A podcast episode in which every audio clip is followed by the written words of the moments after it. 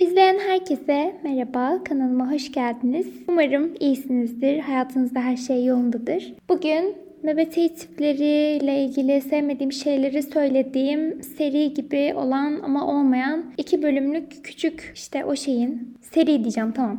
O serinin ikinci bölümündeyiz ve MBTI tipleri hakkında sevmediğim şeyleri söylemeye devam edeceğim. Zaten bunu niye yaptığımı ilk videoda açıklamıştım. Yukarıdan ona ulaşıp izleyebilirsiniz. Öyle yani MBTI tipleri hakkında rahatsız olduğum görüşlerimi falan filan söyleyeceğim. Ee, bu arada ha şey söyleyecektim şimdi hatırladım. Bu video ile ilgili bir eleştiri geldi. Hani işte çok yüzeysel fonksiyonlara değinmiyorsun, bilgilendirici olmuyor vesaire diye. Zaten bu videoları çekmemin sebebi yüzeysel ve eğlenceli olması. Sürekli böyle detaylı detaylı araştırma videoları çekmekten yorulduğum için arada hem kendimi dinlendirmek için hem de her tip hakkında bir şeyler söyleyebilmek için böyle yüzeysel içerikler çekmek istiyorum ki daha çok eğleniyorum ve video çekerken eğlenmem önemli bir şey yani benim için. O yüzden yani sürekli böyle detaylı detaylı araştırma videoları çekmekten yorulduğum zaman ve hani böyle sıkıldığım zaman böyle videoları çekmeyi seviyorum ki bence bu sizi de eğlendiren bir şey. Çünkü normal videolara kıyasla bu videoların izlenme süresi daha yüksek oluyor. Daha çok izlenme, beğeni vesaire hatta yorum, etkileşim deseydim keşke bunları tek tek saymak yerine. Daha çok etkileşim geliyor.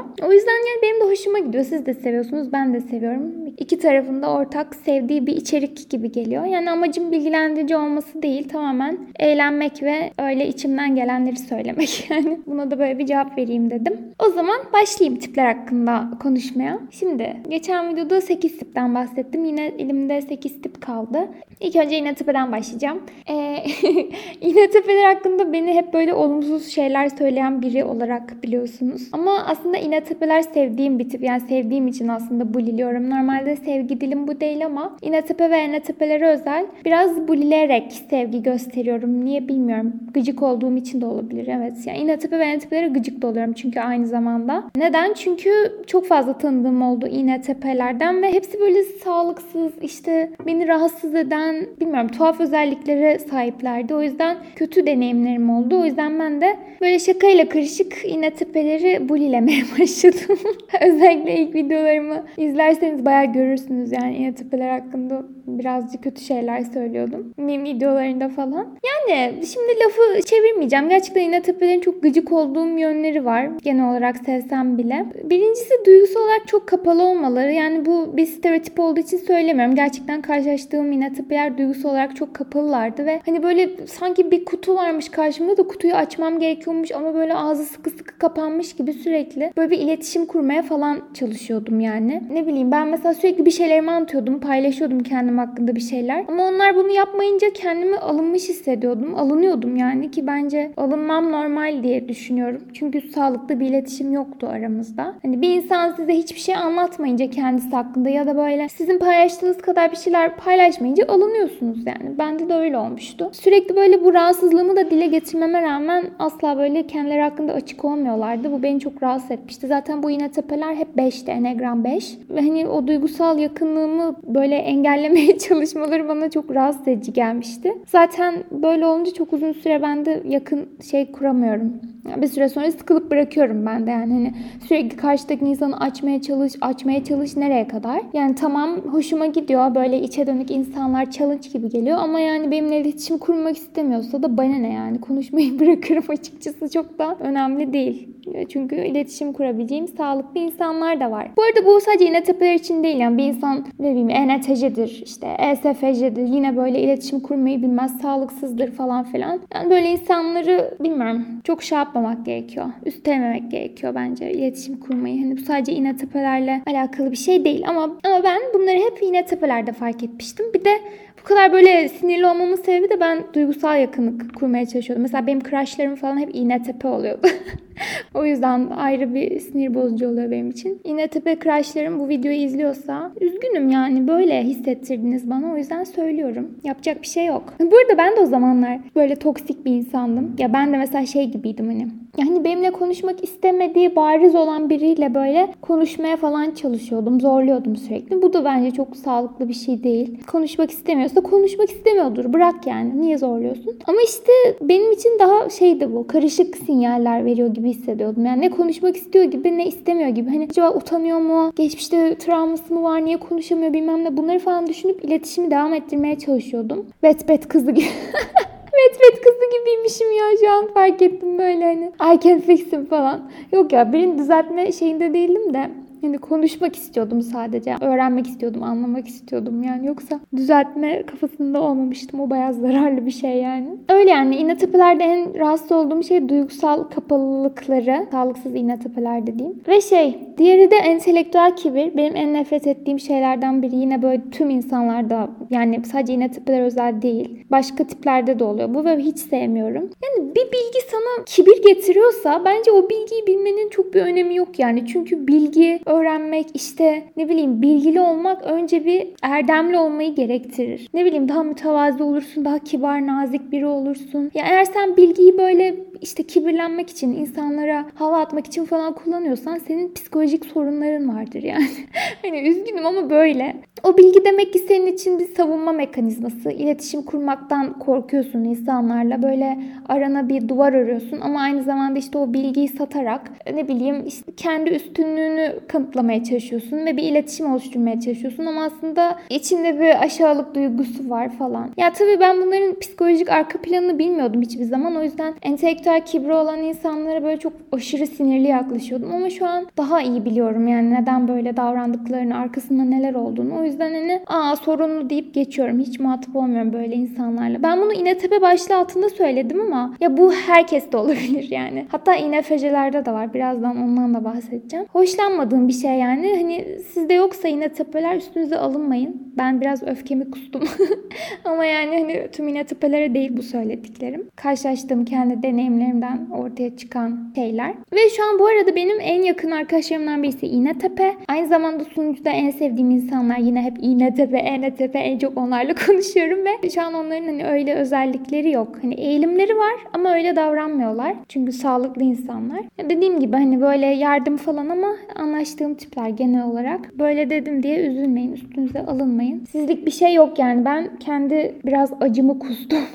Neyse zaten bu video bunun için var yani. Kendi deneyimlerimden tiplere sallamak için var. İkinci tip. İSTJ. Şimdi ben çok İSTJ tanımadım ama kurgulardan, okuduğum kitaplardan falan birkaç fikrim var İSTJ'ler hakkında. Oradan bir sonuca vardım. Ya İSTJ'lerde beni en çok rahatsız eden şeylerden birisi bir şey yeni bir şey yapılacağı zaman hep böyle onun eski örneklerine bakmaları. İşte bir şey yapacaksın tamam mı? Böyle çok güzel olabilir, çok farklı bir şey olabilir. Acayip şeyler yapabilirsin ama böyle açıyor Google'ı mesela. Hmm, buna benzer şeyler nelermiş? İşte şunu örnek alalım, bunu örnek alalım. O kadar sıkılıyorum ki ben bunu e, bir filmde yok bir dizide gördüm böyle olduğunu ve yani bu İSTJ'nin kocası ENTP'ydi ya da ESTP bilmiyorum ama bana ENTP gibi geldi. Adam diyor ki işte gelişen çağa ayak uydurmak için şunu yapalım, şöyle dekore edelim, burayı şöyle düzeltelim, bunu yapalım falan. Kadın diyor ki ama yani yüzyıllardır bu böyle yapılmış. Yine böyle yapalım bence. Geleneği bozmayalım falan. Çok rahatsız edici benim için bu. Ve çok sıkıcı yani hani eski şeyleri tekrar etmek. Bilmiyorum. Bunlar rahatsız oluyorum. Bir de şey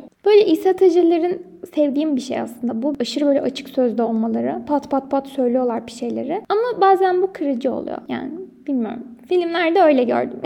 Filmlerdeki stratejiler biraz kalbimi kırdı arkadaşlar. Şey izliyordum ben North and South. Çok sevdiğim bir dizi. Yani izlemediyseniz şiddetle öneririm izlemenizi. Orada işte strateji Thornton var. Bir fabrika gibi bir şey işletiyor. Orada işçileri var ve işçileri bayağı ağır şartlar altında çalışıyor. Ve işte bir kız var. Muhtemelen SFC olduğunu tahmin ediyorum. Adam hani diyor ki yani bu adamlar niye böyle çalışıyor? Sen niye işçilerine kötü davranıyorsun? İşte niye şöyle yapıyorsun? Niye böyle yapıyorsun? Bilmem ne. Ya adam da diyor ki yani benim buradaki işçilerimin şeylerini ben belirlemiyorum. Böyle çalışılıyor. Her fabrikada böyle oluyor. Hani ben onlarla bir duygusal bağ içinde de değilim. Ben patronum görevimi yapıyorum. Onlar da görevlerini yapıyor. Yani bu kadar duygusal düşünmeyen biz hayır kurumu değiliz falan diyor. Bak düşünce dediği şeyler çok mantıklı gerçekten de. Öyle yani hani her fabrikada öyle oluyor ve adamın gerçekten bir suçu yok. Adam zalim biri de değil eğer diziyi izlerseniz. Hiçbir zalimliği yok. Hatta bayağı işçilerin iyiliğini düşünen birisi. Yani aslında adamı değil de sistemi suçlamak yaşaması gerekiyor bence o kızın da. Yani sadece adama odaklanıyor. Hani sanki onun yüzünden işçiler ağır şartlarda çalışıyormuş gibi. Mesela şey işte pamuk fabrikası mı ne? Orada hani tüy falan yutuyorlar. Akciğerleri hastalanıyor ve ölüyorlar. Zaten dönem dizisi eski zamanlarda işte bu Marksizmin falan yeni yeni gelmeye başladığı zamanlarda pamuk yutup tüy yutup orada ölüyor işçiler. Ve cidden adama sinir oluyorsunuz. Çünkü çok soğuk falan duruyor yani. Sanki işçilerini o öldürüyormuş gibi. Ama aslında yani bu bir sistem yani ve şu anda da böyle zaten. Bilmiyorum bu konuda çok düşünüyorum ama insanları sorumlu tutamıyorum pek ya. Aslında insanlar sorumlu çünkü sistemi de insanlar kuruyor. Ama bilmiyorum yani hiçbir zaman bunların sorumlusu tek bir kişi olmuyor yani. Neyse konuya gelirsek çok dağıldım. Bunları böyle çok düz bir şekilde söylemesinden hem etkilenip hem rahatsız olmuştum. Dediği şeyler doğru ama bilmiyorum belki daha yumuşak bir üslupla mı ifade etseydi acaba bilmiyorum. Ya kısaca işte bu yeni bir şeye eski yöntemlerle yaklaşmaları ve bu kadar böyle pat küt konuşmaları beni rahatsız ediyor İSTC'lerde. Şimdi INFP'ler hakkında biraz konuşayım. INFP'ler için çok düşündüm ama böyle çok olumsuz bir şey bulamadım. Genel olarak sevdiğim bir tip ama şunu fark ettim. INFP'ler gözümde ikiye ayrılıyor. Böyle çok pozitif enerji saçan INFP'ler. Genelde Enneagram 9 oluyorlar. Bir de çok negatif enerji saçan INFP'ler. Bunlar da Enneagram 4 oluyorlar. Pozitif enerji saçanlarda hiçbir sorun yok yani. Gayet iyi anlaşıyoruz ve çevremdekiler öyle. Ama negatif enerji saçanlarla pek anlaşamıyorum. Çünkü çok karamsar oluyorlar. Hayattan beklentileri böyle düşük oluyor. Ne bileyim. Ya böyle çok enerjimi sömürüyorlar gibi hissediyorum. Ya da mesela ben şeyi severim böyle. Bir şeyler yapmayı, harekete geçmeyi, işte bir şey üretmeyi falan bayağı severim. Ama bazen böyle INFP'leri harekete geçirmesi çok zormuş gibi hissediyorum. Yani böyle çok uyuşuk geliyorlar. Bunu söyleyebilirim. Yani çevremde böyle INFP'ler yok ama gördüğüm, gözlemlediğim kadarıyla bu tarz INFP'ler var ve bu özellikler beni rahatsız eder yani. Dediğim gibi sadece yani şeyde değil. INFP'lerde değil yani herhangi bir insanda da böyle uyuşuk olmak ya da aşırı karamsarlık beni çok rahatsız eder. Çünkü ikisi de hedeflerin önünde bir engel bence. Verimliliğe işte üretkenliğe falan engel olan şeyleri pek sevmiyorum. O yüzden INFP'lere bunu derdim ama çoğu INFP de böyle değil yani tuhaf bir şekilde. Dediğim gibi çok pozitif, olumlu INFP'ler var ve onlardan yana bir şeyim yok yani gayet iyi anlaşıyoruz. O yüzden bunu söylüyorum sadece. Şimdi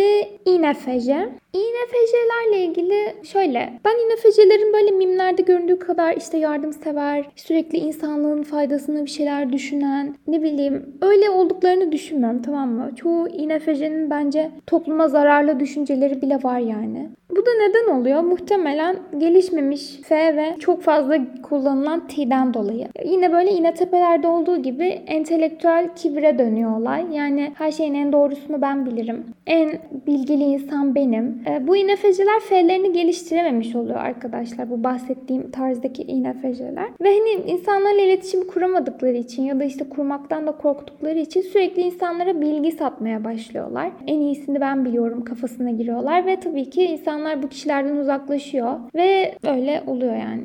ya bu insanlara çok denk geldiğim için rahatsız oluyorum. İNFC'lerde de işte bu gelişmeyen F beni rahatsız ediyor yani. Ya bunun yerine işte biraz daha hani insanları nasıl anlarım, nasıl yaklaşırım insanlara, insanlar nasıl hissediyor diye aslında onları da mutlu eden F'lerini kullansalar ne kendileri rahatsız olacaklar ne biz rahatsız olacağız. Ben rahatsız olacağım yani. Ama bunun yerine işte sürekli bilgi satmaya çalışmak falan bilmiyorum hoş değil. Ya ama bir yandan da hani çok yargılı yargılayamıyorum da çünkü biliyorum yani ne tarz sorunlar onları böyle bir savunma mekanizmasına itiyor. Ama sonuçta rahatsız olduğum şeylerden bahsediyorum ve bu benim için rahatsız edici bir şey. Ya bir de INFC'ler bazen tek bir şeye odaklanıyorlar obsesif bir şekilde. O da beni çok rahatsız ediyor. Ya bir şeye takıntılı falan oluyorlar.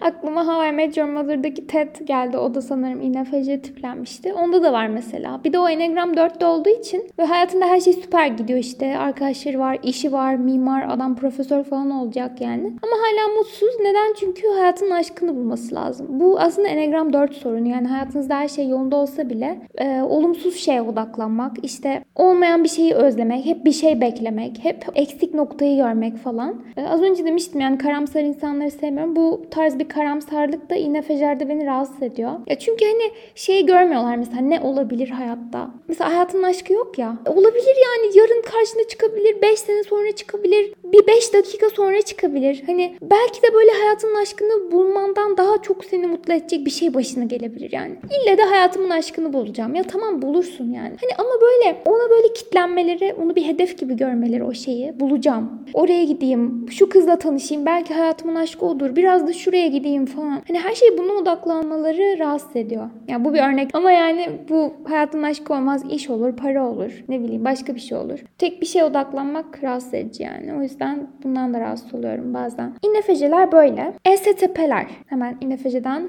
hop ESTP tam zıttı olan tip. Ya bunda da tam tersi hiçbir şeye odaklanamamaları beni sinir ediyor. ya şöyle bunlar şimdi S fonksiyonu kullandıkları için ben zaten birincisi fiziksel deneyimden hiç hoşlanmam. Yani şey olarak hani anlatmıştım bir videoda. Benim için yeşillik olsun, deniz olsun. Tek böyle mekansal kriterlerim bunlardır. Ama STP'ler tıpkı SFP'lerde olduğu gibi çok hareketliler böyle. Oraya buraya hop atlayalım, gidelim, zıplayalım falan. Bunlar benim için çok yorucu şeyler. Ve hani böyle o kadar yabancı geliyor ki bana anlatamam yani. Hani ne S bana şey geliyor yakın ne T geliyor mesela. F var bir de. Hiçbir şekilde fonksiyon şeyimiz uymuyor yani. Bu hiçbir hiçbir şekilde uymuyor. Yap yabancı biriyle konuşuyorum gibi. Mesela ben şeyi severim tamam mı? STP'ler de onu sevmez. Bir yerde oturalım böyle. Muhabbet edelim. Entel dantel konuşalım falan. Mesela bizim okul derslerimiz biraz öyle. Orada bir STP vardı böyle. Sürekli şaka yapmaya çalışıyordu. Çok hareketliydi böyle zıpır zıpır. Hani böyle Allah'ım diyordum dur işleyişi bozma şu an ders işliyoruz. Bırak şakanı sonra yaparsın falan. Hani bazı şeyler ciddi olmalıdır. Yerinde de böyle yapılır şaka falan. Her yerde böyle şaka yapılmaz çünkü böyle bana bir süre sonra çok mıç mıç geliyor bilmiyorum. Olmaması gereken bir şey bence. Öyle yani STP'lerin bazen böyle cıvık olması ve işte çok hareketli olmaları ve bilmiyorum böyle şeyler beni rahatsız ediyor yani STP'lerde. Bu arada çok STP tanımıyorum o yüzden biraz salladığımı fark etmişsinizdir ama denk geldiğim STP'ler böyleydi yani. Sürekli bir işleyişi bozayım, baş kaldırayım. Ama baş kaldırmak da hani İSTP'lenki gibi agresif bir şekilde değil. hani şaka yaparak falan yani ne bileyim. Çok alakasız bir şey söyleyerek vesaire. Hani bu tarz şeylerde. Ama ESTP'lerin şeyini seviyorum. Bak onu da söyleyeyim çok yardım ESTP'leri. F'leri hoşuma gidiyor yani. Ortama hakim olmaları falan filan. Benim hiç yapamadığım ve yapmaktan kaçtığım bir şey olduğu için işte bir grubu bir araya getirmek, iletişim kurmak, ne bileyim gruplarla bir aktiviteler yapmak, grupla gezmek falan çok uzak olduğum şeyler. O yüzden ESTP'lerin yapabilmesi hoşuma gidiyor yani. Böyle bir grup gezisine katılsam ESTP mentor ne denir ona? STP lider mi denir? Lider olsun isterdim yani çünkü gerçekten çok eğlenceli oluyor. Ama işte benim gibi gezmekten, fiziksel aktivitelerden, bilmem nelerden zevk almayan sıkıcı bir insan için STP'ler fazla böyle zıpır zıpır oluyor yani. Tamam şimdi İSFP'ler. İSFP'ler fi dominant oldukları için hoşuma gidiyor. Yani ben fi fonksiyonunu severim. Sağlıklıysa tabii. Ama sağlıksızsa ı-ı. mesela bir İSFP tanımıştım. Böyle tıpkı deminki ESTP'nin olur olmadık yerlerde alakasız şakalar yapması gibi bu İSFP de olur olmadık yerlerde duygularından bahsetmeye. Olur olmadık değil ya. Olmadık yerlerde duygularından bahsetmeye başlıyordu. Mesela dersin ortasında çok depresif bir şey söylüyordu ve hepimiz kalıyorduk yani. Ve ben orada hem ne alaka diye sinirleniyordum. Hem de böyle hani ders işliyoruz. İşleyişi bozma yani. Ders orada bir, bir şey üretiyoruz. Bir şey öğrenmeye çalışıyoruz falan. Hani çok ne bileyim. Hani mesela şaka falan yapsa tamam daha az rahatsız edici belki ama hani duygusal sorunlarını ifade etmek için ders uygun bir yer değil yani. Ya anlıyorum aslında bir arayışta ve şey yapıyor işte ilgi çekmek istiyor mesela. Uf bilmiyorum hem üzücü hem rahatsız edici bir şey ya. Keşke böyle insanlar terapiye falan yönlendirilse yani genelde terapiye gitmek bizim ülkemizde çok şey anlaşıldığı için deli doktoruna gitmek gibi anlaşıldığı için ya bu insanlar da işte bu şekilde sorunlarına çözüm arıyorlar. Hani kendi kendilerine başa çıkma mekanizmaları geliştirmek zorunda kalıyorlar yani.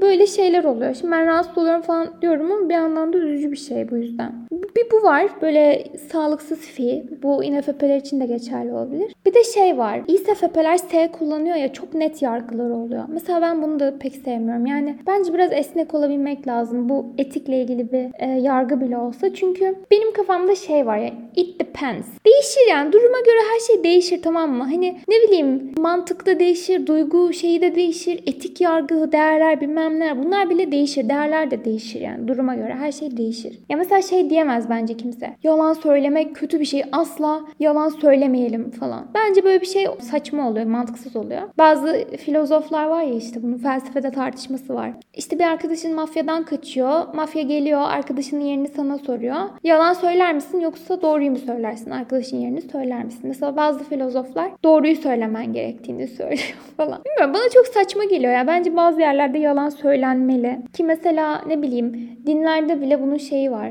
İşte tamam yalan söylemek kötü bir şey geldi dinlerde ama işte bazı durumlarda yine it depends kafası var yani işte bilmiyorum şu an istisnalar aklıma gelmedi ama oluyor yani istisnalar. O yüzden katı yargıları pek sevmiyorum ve İSFP'ler bunu çok yapıyor. Özellikle işte değerleriyle ilgili konularda. Ve İSFP'ler bayağı agresif de oluyor. Ben bunu seviyorum bu arada agresif olmalarını. Yani işte bir saldırı altında falan hissettiklerinde direkt böyle mesela fiziksel bir tepki verebiliyorlar ya da ne bileyim pat küt konuşabiliyorlar mesela. Kendilerini çok iyi savunduklarını düşünüyorum İSFP'lerin. Yani bu iyi bir şey. Bazen sadece rahatsız edici olabilen bir şey ama gerekli bir şey bence aynı zamanda. Şimdi ENTC'lerden bahsedeyim. Ya ENTC'ler hakkında çok düşündüm ne sevmiyorum diye ama fark ettim ki ben ENTC'leri seviyormuşum. Sevmediğimi düşünüyordum. ama yani mesela benim en yakın arkadaşım ENTC ve hani ne bileyim 7-8 senedir falan arkadaşız neredeyse. Yanlış hesaplamış da olabilirim ama gayet sağlıklı bir ilişkimiz var. Hiç öyle bir şeyimiz olmadı. Hani onun üstünden düşündüm böyle ne var acaba diye de. Hani aklıma en şey gelen en ekstrem şey bazen böyle duygularımdan falan açıkça bahsetmekten çekiniyorum çünkü yargılayacak gibi geliyor. Ya pek duygu odaklı biri olmadığı için şey gibi mesela ben anlatırım anlatırım duygularımı bana şey der mesela tamam böyle hissediyor olabilirsin ama yapman gereken bu.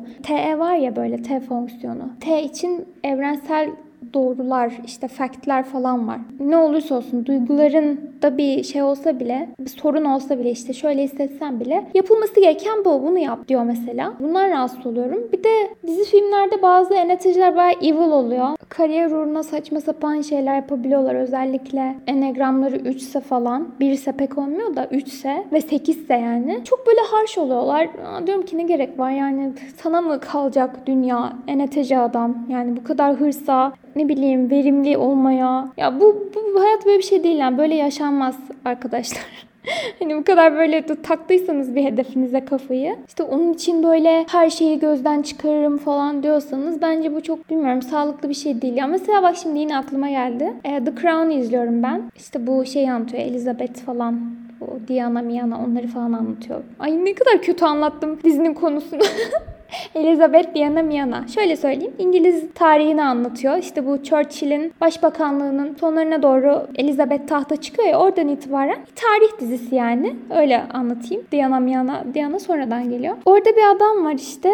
INFP bu arada ENTC değil onu da söyleyeyim. Az önce dediğim durum örnek olarak bunu anlatacağım. Bu INFP adam işte Elizabeth'in amcası yani Elizabeth'in babasından önce tahta kısa süreliğine almış kişi. Prens işte ya ne denir bilmiyorum. Bu kelimeleri de hiç sevmiyorum. Prens, dük, kraliçe, şey gibi kaynana, kayınço, bacanak falan var ya mesela onların da kaynanayı biliyorum da hani bacanak, kayınço bunların da anlamlarını bilmiyorum. Onlar gibi geliyor bana hiç bu isimleri ezberleyemiyorum. Neyse işte kraliçenin oğullarından biri olduğuna göre prenstir diye düşünüyorum. Bu adam işte kısa bir süreliğine tahta çıkıyor tamam mı? Sonra aşık olduğu kadınla evlenemediği için ve evlenmek istediği için tahtı bırakıyor.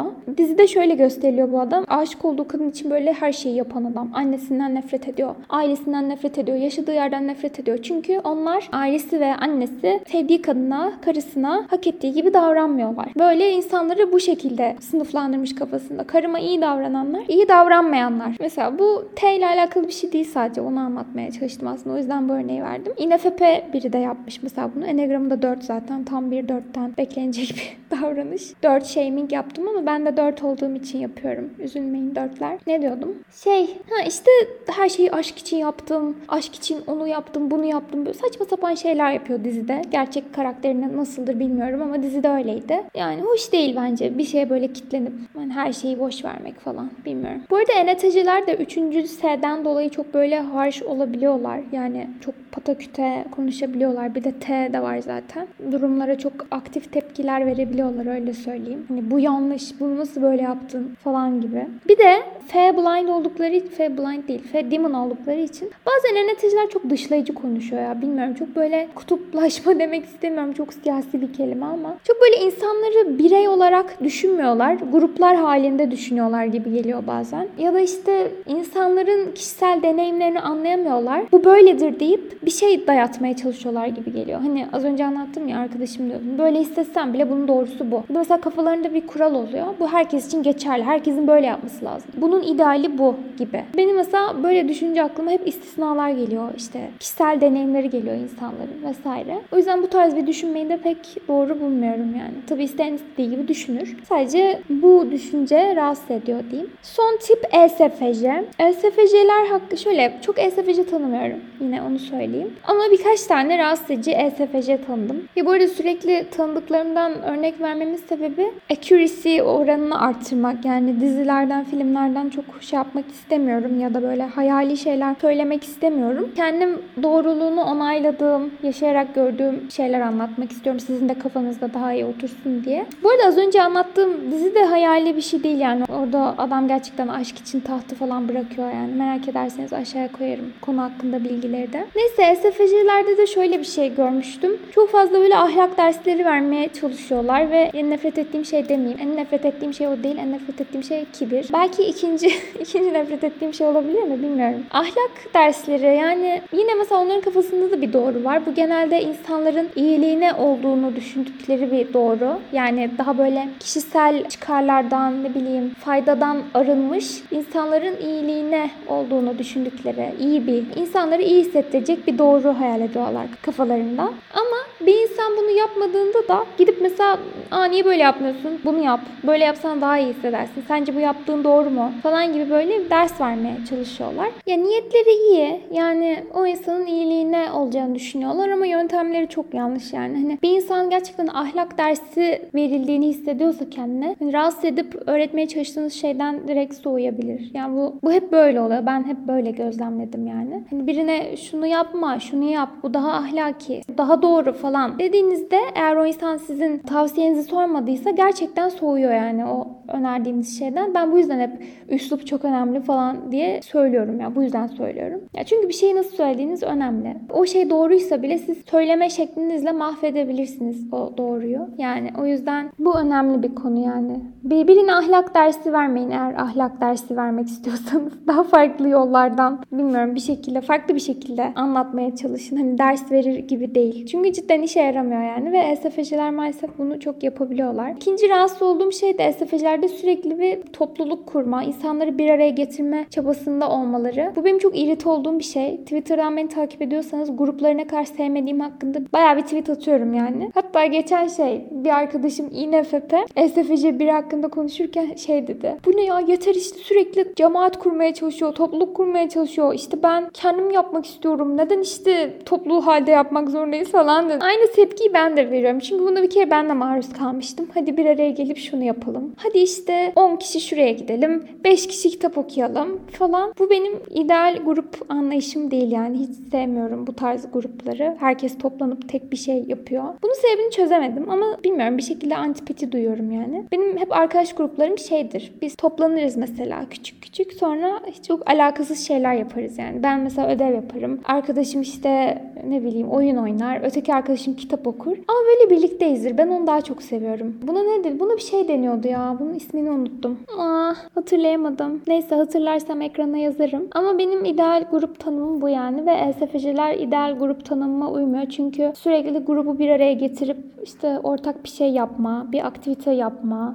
Bunu istiyorlar. Bu çabada oluyorlar ve bu beni rahatsız eden bir şey genel olarak. Ben daha yalnız takılalım hepimiz ama grup bir arada olsun. Böyle seviyorum. Öyle. Bu kadardı. Sanırım tüm tiplerden bahsettim. Ya çok uzun olmuş video ya. Üf. Ya video sürelerini kısaltmaya çalışıyorum arkadaşlar. Ama yapamıyorum. Ya niye böyle oluyor bilmiyorum. Konuşuyorum yani ama konuşacağım. Neyse başka tip kalmamış. Hepsini söylemişim. Umarım hoşunuza gitmiştir. Ya dediğim gibi burada ben hiçbir tipi kötülemek amacında değilim. İşte gördüklerimden, okuduklarımdan vesaire yola çıkarak sevmediğim, rahatsız olduğum şeyleri anlattım yani. Size uymak zorunda değil bunlar. Bana genelde hayatımda sağlıksız insanlar denk geldiği için bunlar çok gözüme batıyordu. Yani her tipte böyle şeyler olacak diye bir şey yok. Yok. O yüzden alınmayın, gücenmeyin. Her tipin böyle sorunları, olumsuz yönleri oluyor. Ya da sorun olmuyor belki ama başka birini rahatsız eden bir özelliği oluyor. Benimkiler bunlardı. Umarım kalbinizi kırmamışımdır ve umarım hoşunuza gitmiştir. Eğer beğendiyseniz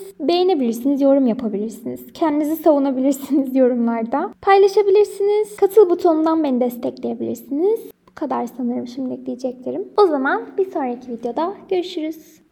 Bildiğiniz gibi yakın zamanda katıl butonunu açtım ve Betty Petito destekçilerine sunduğum avantajlardan birisi videoların sonunda isimlerinin okunmasıydı. Ebru Büke, Öykü Keskin, Cihat Bülbül, ben bir insanım wow. Desteğiniz için çok teşekkür ederim. Beni çok mutlu etti. Destek olmanız benim için çok anlamlı. Tekrardan çok çok teşekkür ederim. Hoşçakalın. Kendinize iyi bakın.